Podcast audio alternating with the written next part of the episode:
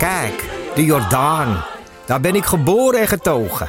De nieuwe Nederlandse musical Onze Jordaan van Diederik Ebbingen is dit najaar in de theaters te zien. Koop nu uw kaarten op onzejordaan.nl. Leuk toch?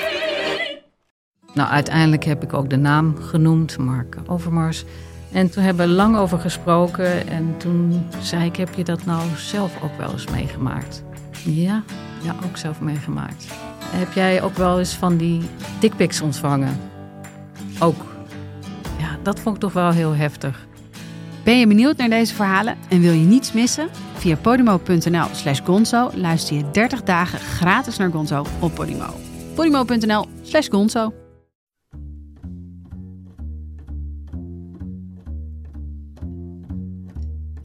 Welkom. Vanaf de redactie van De Groene Amsterdammer is hier uw wekelijkse podcast. Ik ben Stefan Sanders en ik ben vandaag uw presentator. En mijn gast is Laila Frank. Welkom. Dankjewel. Politicoloog, journalist en Amerika-specialist. Dat, la- dat laatste vind ik altijd zo, zo Oh, deftig klinken. Ja, maar het is verschrikkelijk. Het is, ehm, ik ben gewoon journalist en mijn werkveld is Amerika. Maar in de media eh, hecht men aan de term Amerika-deskundige of specialist of whatever. Ik, ik probeer het altijd niet te gebruiken, eh, want ja, wat ben je dan? Het is een onbeschermd beroep. Je kan een krantenlezer zijn of hobbyist of wetenschapper. Of... in ieder geval iemand die heel erg houdt van de Verenigde Staten. Ja, Nou, dat, dat komt, we gaan het erover hebben. Je hebt een reportageachtig artikel geschreven over polygamie in een aantal gemeenschappen van de Fundamentalist Church of the Latter-day Saints. Dat is een hele mond vol, maar het is een aftakking van de Mormonen. En die Mormonen kennen wij weer als die twee, drie keurige mannen, vaak in een wit shirt, Ja. vaak met een dasje om, die eh, het grote boek, het Mormonenboek, de Bijbel van de Mormonen aanprijzen. En ze komen eigenlijk uit de staat Utah, de US. Maar eh, toch even Amerika-specialist. Je wil het niet zo hebben. Ik vind het leuk om het toch zo te doen. ik zie het aan je. Hoe, hoe is dat zo gekomen?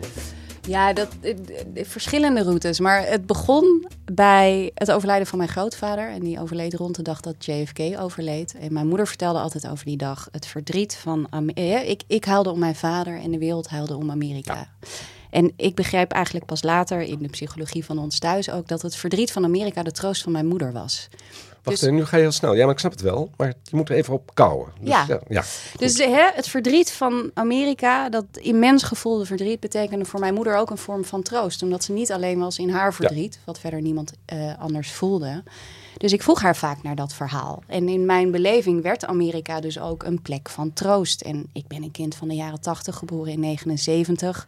Volkomen groot geworden met dat culturele infuus van MTV, Michael Jackson, de muzikanten, Hollywood, het sporten. Het is bij mij allemaal erin gespoten alsof het van mezelf is. En zo voelde het ook. Ehm, Dus je kon niet wachten om naar het land te gaan. ik kon er niet mee wachten. Nee. En ik heb dat nou, eigenlijk pas vrij laat gedaan, op mijn achttiende. En toen ik politicologie ging studeren en later in politieke en ambtelijke omgevingen ging werken, ja, dan ontkom je eigenlijk niet aan het politieke spektakel van Amerika en de campagnekoorts. En toen eh, ben ik in 2012 naar Amerika gegaan, een aantal maanden. Heb me aangesloten bij de Obama-campagne toen als vrijwilliger. Oh, wat spannend. Dat is natuurlijk, want dat was ook wel het meest hoopvolle wat er in decennia was was, gebeurd. Fantastisch. En ik Ja. was eigenlijk één verkiezing te laat. Hè, want 2008 dacht ik, oh, ik heb iets gemist. Ehm, en toen ben ik naar Philadelphia gegaan. En toen ben ik wat ze noemen field organizer geworden. Dus dan word je verantwoordelijk gemaakt voor de uitvoering van de opkomstbevorderingsstrategie in een bepaald deel van een stad of, eh, of een staat. En je sprak toen ook al zo snel als je nu doet. Ja, dat zegt mijn vader ook altijd. Nee, dus je, je wordt eigenlijk op een plek neergezet. In mijn geval in Philadelphia, in een vrij slecht deel van de stad. Een beetje op het randje van goed en slecht. Eh, en dan moet je zoveel mogelijk kiezers weten te bereiken. En je krijgt elke dag targets. Dus elke dag opende ik mijn mailbox of kreeg ik een telefoontje. En daar stond, je moet x kiezers bereiken. Je moet zoveel kan- campagnekantoren openen. En je moet zoveel vrijwilligers ronselen. En eh, s s'avonds dan typte ik dat netjes in, in de computer. Die data gingen, toen was het hoofdkantoor in Chicago.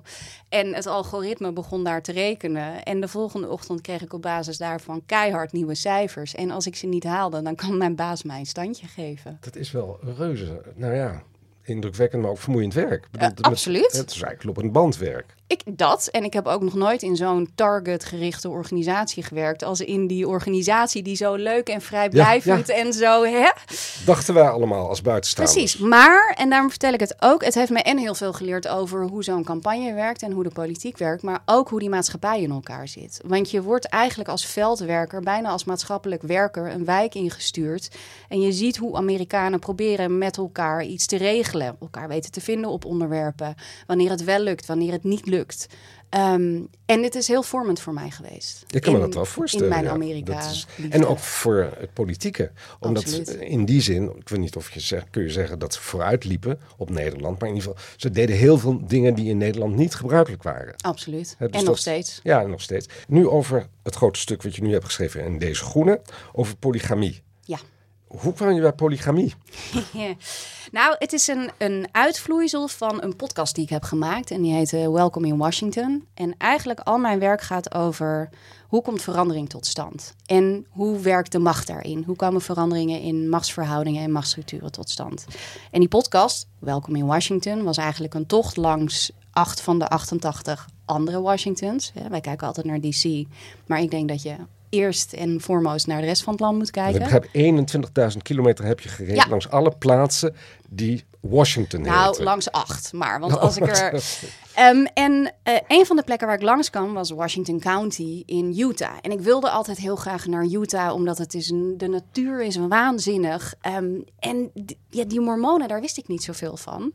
Ehm, en ik ben op zoek gegaan in die podcast naar verhalen over verandering. Hoe brengen mensen verandering tot stand? En zo in mijn research stuitte ik eigenlijk op dat verhaal over ja, het, de decriminalisatie van polygamie. En zo kwam het balletje aan het rollen. Want dat vind ik eigenlijk het meest in- intrigerende.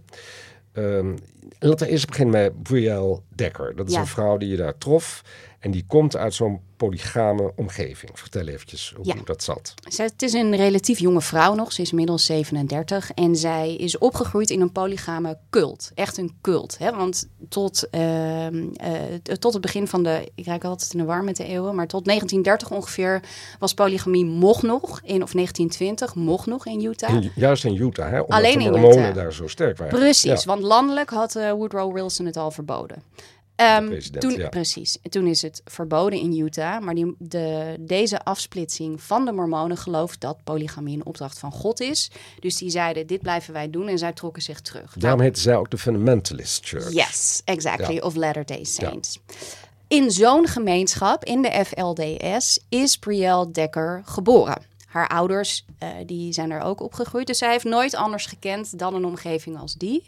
En het moment dat zij geboren werd, was Warren Jeffs al de leider. En Warren Jeffs is een zeer beruchte secteleider die eh, verschrikkelijke misdaden heeft begaan binnen die secte, die kinderen misbruikte, die huwelijken uit elkaar trok, eh, die mensen mishandelde, drogeerde. En in die omgeving is Brielle opgegroeid. Op haar achttiende werd zij uitgehuwelijkt door haar ouders aan deze Warren Jeffs. En zij was vrouw nummer, ik zeg uit mijn hoofd, 63, 67. Dit was Ehm, ook, dat polygame was ook wel heel breed. Ja, bedoel, het was, Warren Jeffs nam het ervan. Ja, Het het is- was niet zo drie of vier. Het was, Nee, nee, nee. het was de, ja, de wijsheid. harem. Een, een, een echte harem, inderdaad. En zij was dus vrouw nummer nou, 67, zeg ik uit mijn Ja, hoofd. ja. En zij kwam te wonen in een, in een huis met heel veel van die andere vrouwen. Niet exclusief, want die vrouwen werden over verschillende huizen verdeeld. Ehm, en zij werd daar misbruikt, gedrogeerd, opgesloten. En niet alleen door Warren Jeffs, maar door verschillende mannen in die secte. Zij wilde ontsnappen. Nou, dat heeft haar eh, tien keer gekost. De tiende vluchtpoging is gelukt. Ehm, en toen is zij bij een pleeggezin terechtgekomen. Bij een vrouw die niet in het verhaal voorkomt, maar wel heel interessant is. Die weer uit een andere polygame secte ontvlucht was. En zij heeft Brielle geadopteerd. Want als je opgroeit in zo'n omgeving, dan heb je ook geen wettelijk bestaansrecht. Je hebt geen SOFI-nummer, je hebt geen bankgegevens, je, hebt geen, je, je Je bestaat komt echt niet. uit een secte. Hè? Je staat komt- volkomen Je staat vol- stuurloos in de wereld. Ja, je staat volkomen los van de samenleving. En zij is toen geadopteerd door deze vrouw. Eh, en zo heeft zij heel langzamerhand haar leven weer een beetje kunnen opbouwen. goed, je, je beschrijft ook dat huis, heel deel. Dat was het huis waar dus ooit deze Brielle Dekker werd misbruikt. Ja. Door die Jeffs, door die Ja. secteleider. Maar uiteindelijk wordt zij de eigenares Ja. van dat huis, van dat heel deel. Ja. 44 kamers. Ik denk Juist. ook meteen 44 vrouwen. eh, misschien wel meer. Precies. Nou, maar dan schrijf je iets heel geks. Want het is heel bijzonder. Hè? Die, zij heeft dat dus na de rechtszaak het huis kunnen kopen. Of zo het. Krijgen, eigenlijk. Oké, ze heeft het huis gekregen. Ze heeft er ook een soort opvangcentrum in gemaakt, geloof ik. Hè? Voor mensen die polygaam leven willen ontvluchten. Ja, en die kunnen dus nu weer in datzelfde huis waar ze ooit zelf gevangen zat, maar nu zichzelf proberen te zijn en te leren leven. Juist. Dan loop jij met haar door dat huis, door dat grote huis, en dan moet, moet jij of die vrouw roepen, als jullie de mannenverdieping betreden, Women on the floor. Wo- Ja, wat is dat? Women on the floor. Wat, is dat? Ja, dat betekent dus dat je moet aankondigen dat er een vrouw aankomt. Want mannen en vrouwen leven gescheiden. Het zijn ook mannen die zo'n leven proberen te ontvluchten. Want ook voor mannen is het niet altijd even makkelijk of prettig. Kijk, dat was mij niet duidelijk. Dus Ah, er, er wonen ook mannen in dat opvanghuis. Er wonen ook mannen in dat huis die, net zoals die vrouwen, eh, geen bestaansrecht hebben, geen, voor de staat niet bestaan. En misschien ook niet in zo'n situatie willen wonen. Want je moet je voorstellen dat, hè, dat werd mij dan ook verteld, er zijn country nummers over hoe moeilijk het is om van twee vrouwen te houden. Er werd vaak aan gerefereerd. Laat staan om ze allemaal tevreden te houden. Dus lang niet elke man is hier blij mee. En ook die mannen, soms met kinderen, proberen dat leven te ontvluchten. En zo komen zij ook in zo'n huis terecht. En dan moet jij als, als vrouw aankomt, Ja, moet je moet je aankondigen dat je aankomt. Women on the floor. Ja, Want dan kunnen ze hun boxershort aantrekken snel. Of... ik denk het. Of zich terugtrekken Ja, of eh, zich inhouden. Ik weet het niet. Maar Nou, is eigenlijk de verrassing, vind ik, van jouw verhaal...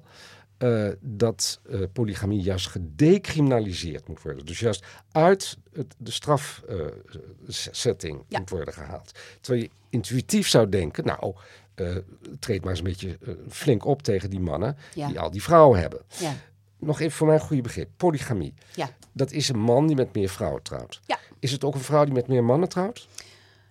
Ik ben het niet tegengekomen. En volgens mij bestaat dat dus ook niet. In Wat ieder geval al- niet in die polygame eh, culturen die ik ken Nee. in de Verenigde Staten. Hè, wat raar Nee. is, hè? Want je Ja. denkt, het, woord kan maar één ding betekenen. Ja, maar waar jij aan refereert, heet polyamorie eigenlijk. Nou, daar wil ik het dan Daar komen we straks over over. hebben. Want het is weer iets anders volgens mij. Ah. Want als je zegt ja. polygamie, dan gaat het over... Ja. ik trouw met meerdere vrouwen. Ja, ik ken, man. geen, ik ken geen, geen, geen, geen geloofsovertuiging of cultuur waar het andersom is. Misschien mis ik wat. Nee, maar goed. Ik ook niet. Dat- Ik vroeg het me gewoon af. Ja, Waarom is het dan toch heel verstandig om dat te decriminaliseren? Het Ja. klinkt een beetje alsof je zegt, nou weet je, eh, heroïne is eigenlijk heel schadelijk. Want dat doen ze allemaal stiekem ergens achteraf. Weet je wat we doen? We zeggen gewoon vrije heroïne. Gewoon bij de Albert Heijn kun je ook gewoon je shot heroïne krijgen. Dan is het tenminste in het zicht. Ja. En dan kunnen we daar een beetje rekening mee houden. En anders eh, ligt het misbruik voor de hand. ja. En dan kom je denk ik een beetje bij de kern. Ehm, die wet is bedoeld om mensen te beschermen die in zo'n secte leven tegen het misbruik. Maar wat je zag eh, en wat je ziet, zeker bij zo'n cult als die van Warren Jeffs, met gemeenschappen die zich terugtrekken, vaak ook in de natuur, letterlijk afgelegen van de samenleving, is dat er geen enkele vorm van controle meer is. Ehm, en dat misbruik dus makkelijker wordt gemaakt binnen een, een samenleving waarin daar geen straf op staat. Dus dat is één. Je ont, door het te criminaliseren onttrek je het letterlijk uit het zicht. Dat is een Het- beetje mijn heroïne-argument. het tweede is, of daarmee in verband houdend, is dat polygamie was, is, was, sorry, je moet goed zeggen, verboden in Utah. Het was maatschappelijk ook niet geaccepteerd. Dus deze vrouwen of deze mensen die in zo'n gemeenschap leven, die worden misbruikt in hun eigen gemeenschap, maar ze worden bespuugd, beschimpt, uitgescholden en worden totaal niet geaccepteerd in de andere wereld, de wettelijke wereld, de normale maatschappij tussen Maar aanhalingstekens. het gekke is dat die normale wereld in Utah de mormonenwereld is. Omdat het merendeel van de mensen... Ja, maar er is een verschil tussen mormonen en polygamen. Ja, Want die mormonen hebben al bijna 100 jaar polygamie de deur Ja. gewezen. En ze zijn heel herkenbaar, hè? mensen die in, in die FLSD of in een polygame secte... ja. Die, dus hebben lange jurken en, en, en lange haren en een bepaalde kledij... die Een niet meer helemaal van deze tijd is. Beetje ja, Amish-achtig. ja, ja. Dus terwijl ze, hè, de vrouwen in elk geval misbruikt worden, afgezonderd van de wereld, straffeloos, on- zonder het toezicht oog van, van, van een, een justitie of, of een apparaat die ze daarbij kan helpen. In de andere wereld zijn ze niet gewenst. Zijn in de woorden van een van de vrouwen die ik sprak, tweederangs burgers. Ehm, dus ze worden niet geaccepteerd in die andere wereld en hebben ze dus helemaal niks meer. Waarmee de mannen, en daar kom ik even, hè, we komen even terug bij, zijn het altijd mannen. Waarmee de mannen een machtsstructuur hebben binnen die polygame sectes. Waarbij ze eigenlijk die wet van die bestraffing, die bedoeld is voor hen, gebruiken om die vrouwen gevangen te houden. En ze houden ze gevangen in pure angst voor een buitenwereld die ze ook niet wil. Nou, vind ik een overtuigend verhaal. Kijk, daar ga je. Dankjewel. Tweede casus die jij zelf aandraagt. Charlene Draper. Shirley Draper. Shirley. Ja. Eh, was aanvankelijk ook gelukkig in die fundamentalist secte, Ja. secte van eh, die Latter-day Saints. Eh, totdat die gemene Jeffs verscheen. Wat ik nogal pijnlijk vond, ze mochten niet meer feesten. Nee. Daarvoor dus wel. Ja. Ze mochten geen rode kleren meer dragen. Nee. Dan denk je inderdaad, ja, dat is de echte, de micromanaging van een echte dictator. Hè? Die zegt Absoluut. van nee, rode Zij kleren noemt hem ook een Hitler.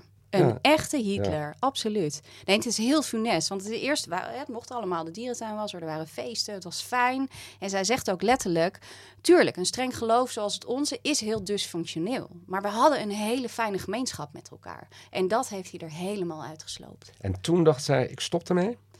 Nog Dus niet. Shirley Draper bedoel ik. Zij dacht, eh, dit gaat helemaal mis, dit is een Hitler in de dop. Maar het moment dat, deze, dat hen verboden werd om naar publiek onderwijs te gaan...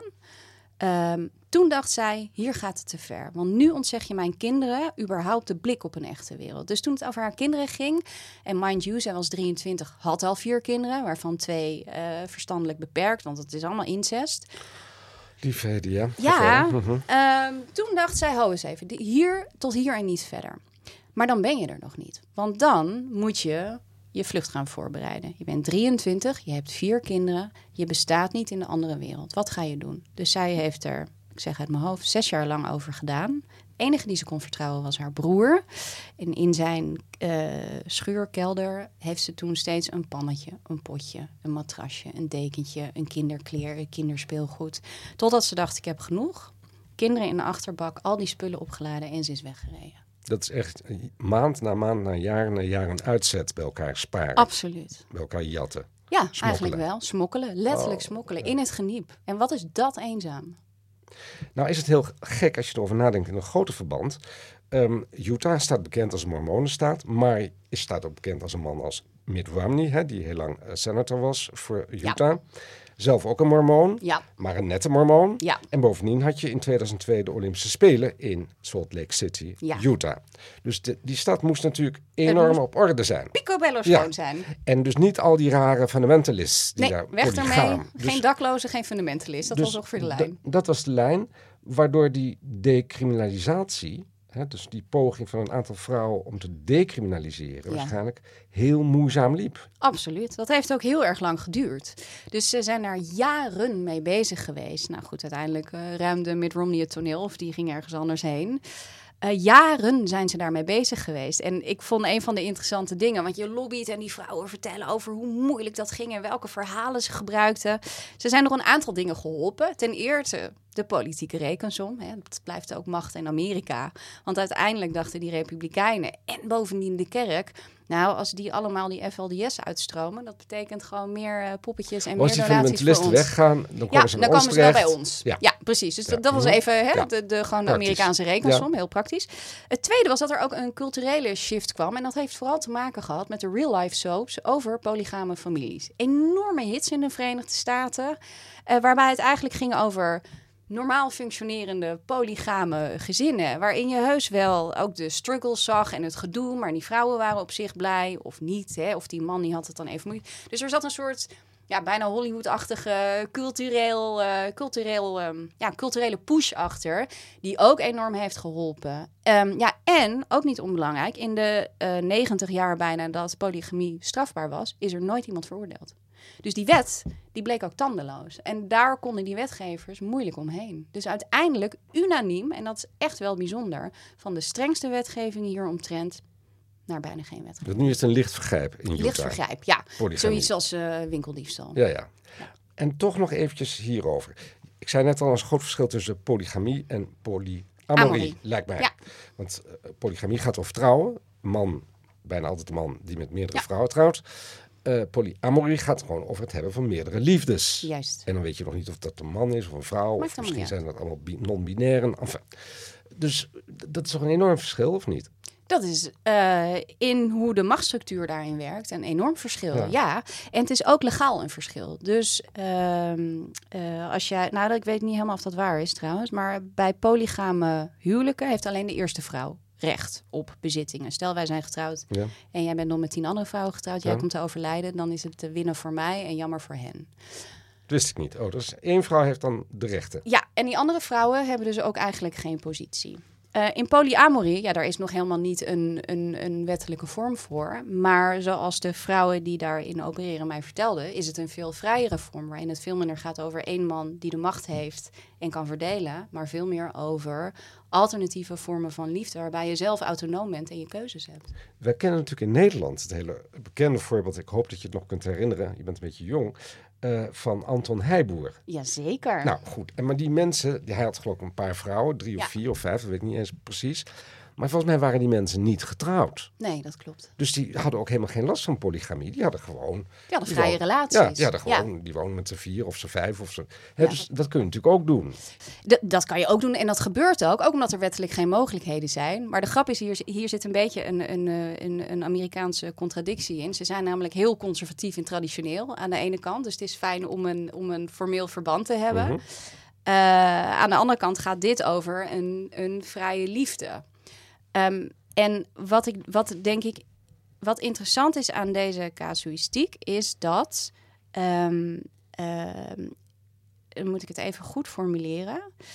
Dat eigenlijk die decriminalisatie van polygamie, Die daarmee, dus gelukt is. In die Utah, gelukt is, daarmee is Utah super conservatief staat, eigenlijk een hele progressieve voorloper. En dat is belangrijk op dit moment in de tijd, omdat er een ontzettend conservatief hoge rechtshof zit. In 2015, mind you, dat is pas acht jaar geleden, heeft het Hoge Rechtshof gezegd: same-sex marriage vinden wij oké. Mhm. Dat is een constitutioneel recht. Ehm, maar de opperrechter, eh, die nog steeds opperrechter is, die heeft destijds een dissent geschreven, dus een afwijkende opinie. En daarin zei hij: let op, als een huwelijk tussen gelijken een aanval is op de constitutie, dan zijn eh, alternatieve vormen van liefde met meer dan twee personen of niet een same sex dat ook. En eigenlijk is sindsdien heeft hij daarmee een opening gegeven voor een soort eh, burgerrechtenbeweging.